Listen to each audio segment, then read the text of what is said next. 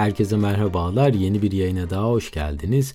Bugün kelimelerin ne kadar güçlü olduğundan ve hayatımızda ne gibi büyük değişimler yapabileceklerinden bahsedeceğim. Konuşurken seçtiğimiz kelimeler davranışlarımızı ve tepkilerimizi yönlendiren, inançlarımızı şekillendiren, duygularımızı ortaya çıkaran bir güce sahipler ve bugün böyle bir gücün ne gibi değişimler yaratabileceğini tartışacağız. İsterseniz buyurun daha fazla beklemeden hemen yayına geçelim. Bu arada yaptığım yayınları beğeniyor ve yeni yayınları kaçırmak istemiyorsanız dinlediğiniz platformlardan abone olarak tüm yayınlara anında ulaşabilir veya Patreon üzerinden bana destek olabilirsiniz.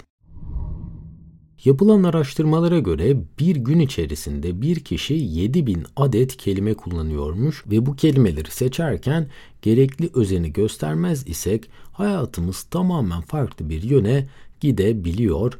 Genellikle gün içerisinde seçtiğimiz çoğu kelimenin aslında pek de farkında olamıyoruz. Okuduğumuz kelimelere ve karşı taraftan duyduğumuz sözcüklere de aynı şekilde çok fazla dikkat edemiyoruz. Eğer çok fazla negatif sözcük kuruyorsanız veya çok fazla küfürlü konuşan insanların çevresinde uzun zaman geçiriyorsanız ister istemez bundan dolayı kendinizi daha olumsuz ve enerjisi düşmüş bir halde bulabilirsiniz. Belki karşı taraftan gelen sözcükleri çok fazla filtreleme şansınız olmayabilir. Fakat kendi kullandığınız kelimeler arasında negatif olanları çok kullanırsanız örneğin çok beceriksizim, bunu zaten yapamam, çok aptalım, çok güçsüzüm, zaten yapamazdım gibi kelimeler sadece psikolojik modunuzu aşağı çekmekle kalmayıp fiziksel anlamda da olumsuz değişimlere sebep oluyorlar. Bir kelime nasıl olur da fiziksel bir etki yaratabilir diyebilirsiniz. Eğer ki ben bunu zaten yapamazdım dediğiniz bir durumda artık bir daha o işe şans vermezsiniz. Yapabilme potansiyeliniz dahi olsa beyniniz oradaki bağlantıyı tamamen keser. Benden zaten bir şey olmaz dediğiniz an kendinize olan ümidiniz biter. Ben zaten bu kişi için yeteri kadar güzel ya da yakışıklı değilim dediğiniz an asla gidip o kişiyle konuşacak cesareti bulamazsınız. Beynimiz o kadar güçlü bir mekanizmadır ki bizden aldığı komutlar ile nöronlar arasındaki iletişimleri kesip kesmeyeceğine karar verir. Eğer ki siz ben artık bunu yapamıyorum dediğiniz an beyniniz devreye girer ve o işle alakalı ne bağ varsa koparır ve yapamayacağımız işler kategorisine bu işi atar. Stanford Üniversitesi'nin 1971 yılında gerçekleştirmiş olduğu bir hapishane deneyi var. Bu deneyde psikoloji departmanı öğrencileri iki gruba bölüp bir kısmını gardiyan, diğer kısmını mahkum yapıyor ve gerçeğe çok yakın bir hapishane ortamı yaratıldıktan sonra da deneye katılan öğrenciler Stanford Üniversitesi'nin altında inşa edilen hapishanede günlerini geçirmeye başlıyorlar. Bu deneyin amacı aslında mahkumların psikolojisine etkileyen en büyük değişimin ortam koşulları mı yoksa gardiyanların davranışları mı olduğunu tespit etmek imiş ve deneyin ikinci haftasının sonunda mahkumların çok büyük bir kısmı psikolojik sorunlar yaşamaya başlıyorlar. Hatta ilerleyen zamanda mahkumların onlara söyledikleri sözler ve sergiledikleri davranışlar yüzünden mahkumlar kendilerine zarar verebilecek düzeye geldikleri için deney iptal ediliyor. Hatta bununla ilgili 2015 yılında çekilmiş olan bir film dahi var. İsmi de The Stanford Prison Experiment. Ee, bu deneyi biraz daha sinema perdesine taşıyabilmek için bazı şeyler olduğundan birazcık daha abartılmış fakat deneyi merak ediyorsanız linkini açıklamalar bölümünde bıraktım.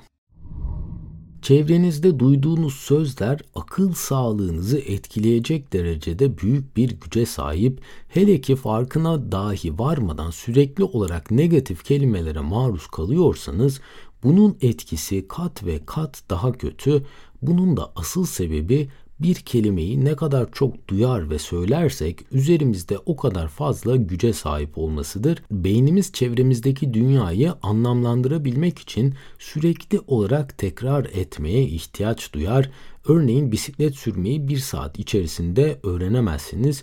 Çünkü belirli kuralları sürekli olarak tekrar ettikten sonra beynimiz bunları hafızamıza kazımayı başarır. Veya Birinci Dünya Savaşı'nın bitiş tarihini belki şu an hatırlamıyor olabilirsiniz fakat 6 kere 8'in 48 olduğunu bir saniye bile düşünmeden bilirsiniz.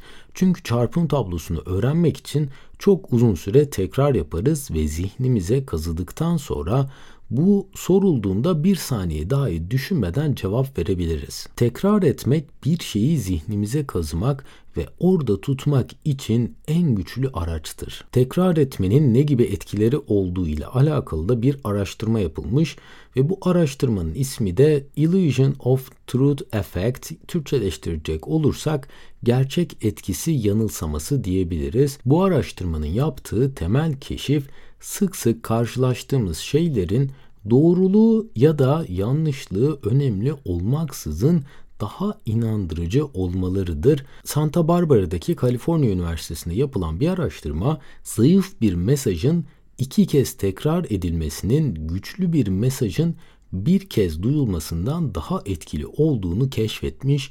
Tekrar etmek zihnimizi değiştirme gücüne sahiptir ve bu sadece kelimeler için değil, gördüklerimiz için de geçerlidir. Tekrara maruz kalmak zihinsel doğrularımızı arttırır. Bu nedenle reklamlarda, tema müziklerinde ve siyasi propagandalarda bu yöntem sıklıkla kullanılır. Kısacası yanlış olan bir bilgiyi çok sık tekrarlar isek, işitirsek veya görürsek doğruluğuna giderek inanmaya başlıyoruz. Şimdi durup bir düşünün kendinizle konuşurken kaç defa olumsuz şeyleri tekrar ettiniz? Ben zaten o kadar zeki değilim. Ben zaten o kadar yakışıklı veya güzel değilim. Ne kadar da aptalım. Ben zaten yapamazdım gibi kelimeleri ne kadar sık tekrar ederseniz beyniniz giderek bunlara daha fazla inanmaya ve bunların doğru olduğunu düşünmeye başlayacaktır. Peki kelimeler bu kadar büyük bir güce sahipse bu gücü nasıl kendi lehimize kullanabiliriz? İsterseniz gelin 5 farklı kategoride bunu bir inceleyelim. İlk olarak negatif kelimelerin farkına varmak, bu tür değişimleri bir günde yapmak çok gerçekçi değildir. O yüzden negatif kelimeler kullandığınızda bunları tespit edin ve özellikle kendinize bu kelimeleri kullanmayı yasaklayın. Hayat sürekli güllük gülistanlık geçemez. Hayatınızda olumsuz şeyler olmaya devam edecektir. Fakat negatif kelimeleri daha fazla kullanmak işleri hiçbir zaman daha iyi bir hale getirmeyecektir. İkinci metot ise yapmak zorundayım ve yapacağım kıyaslaması olumsuz kelimeler deyince sadece hakaret içeren cümleleri düşünmek aslında yeterli değil. Bazen gün içerisinde yapmamız gereken işler hakkında konuşurken dahi farkına varmadan olumsuz sözler sarf edebiliyoruz. Örneğin bugün şu işleri yapmak zorundayım ve bugün bu işleri yapacağım arasında çok büyük bir fark var.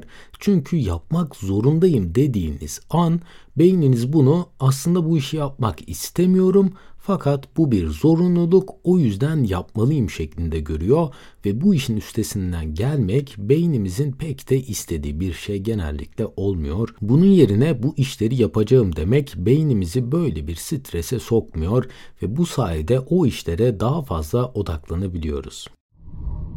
Üçüncü olarak kullanabileceğimiz metot ise en güçlü pozitif kelimeleri kullanmak. Pozitif kelimeler arasında dahi etkisi daha yüksek olanlar var. Örneğin iyi kelimesi harika veya mükemmel kelimesine göre çok daha zayıf. İş görüşmelerinde önceki iş tecrübelerinden bahsederken daha olumlu sıfatlar kullanan kişilerin daha iyi bir ön izlenim bıraktığı keşfedilmiş. Aynı şekilde günlük hayatta da pozitif etkisi daha yüksek kelimeleri kullanmak bizleri daha olumlu etkiliyor. Günün nasıldı sorusuna iyiydi demek yerine harikaydı demek arasında çok büyük bir fark var. Yeni tanıştığınız kişilerde de iyi bir ön izlenim yaratmak istiyorsanız enerjisi daha yüksek pozitif kelimeleri seçmekte fayda var. Dördüncü metot ise olumsuz insanları elemek. Siz her ne kadar olumlu olmaya çalışsanız da çevrenizde sürekli olumsuzluklardan bahseden birileri olacaktır. Negatif enerji uzaydaki kara delikler gibidir. Etrafındaki her şeyi içine çeker. O yüzden sizi negatif etkileyen kişileri çok fazla çevrenizde bulundurmamaya özen gösterin. Bu kişiler size hiçbir fayda sağlamadıkları gibi sizi olumsuz etkilerler ve sizi de negatif bir hale getirirler. Her ne kadar kendiniz olumlu bir birey olmaya çalışsanız da negatif enerji deposu olan bu kişiler bir şekilde karşınıza çıkar. Onlarla geçirdiğiniz her saniye kendinize zarar vermekten başka hiçbir şey yapmamış olursunuz.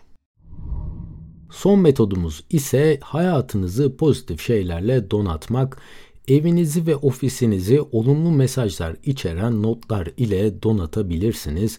Masaüstü arka planınızı veyahut da telefonunuzdaki arka planı pozitif mesajlar veya görüntüler içeren içeriklerle doldurabilirsiniz. Ayrıca harika hissetmeseniz dahi en güzel bulduğunuz kıyafetleri tercih edin.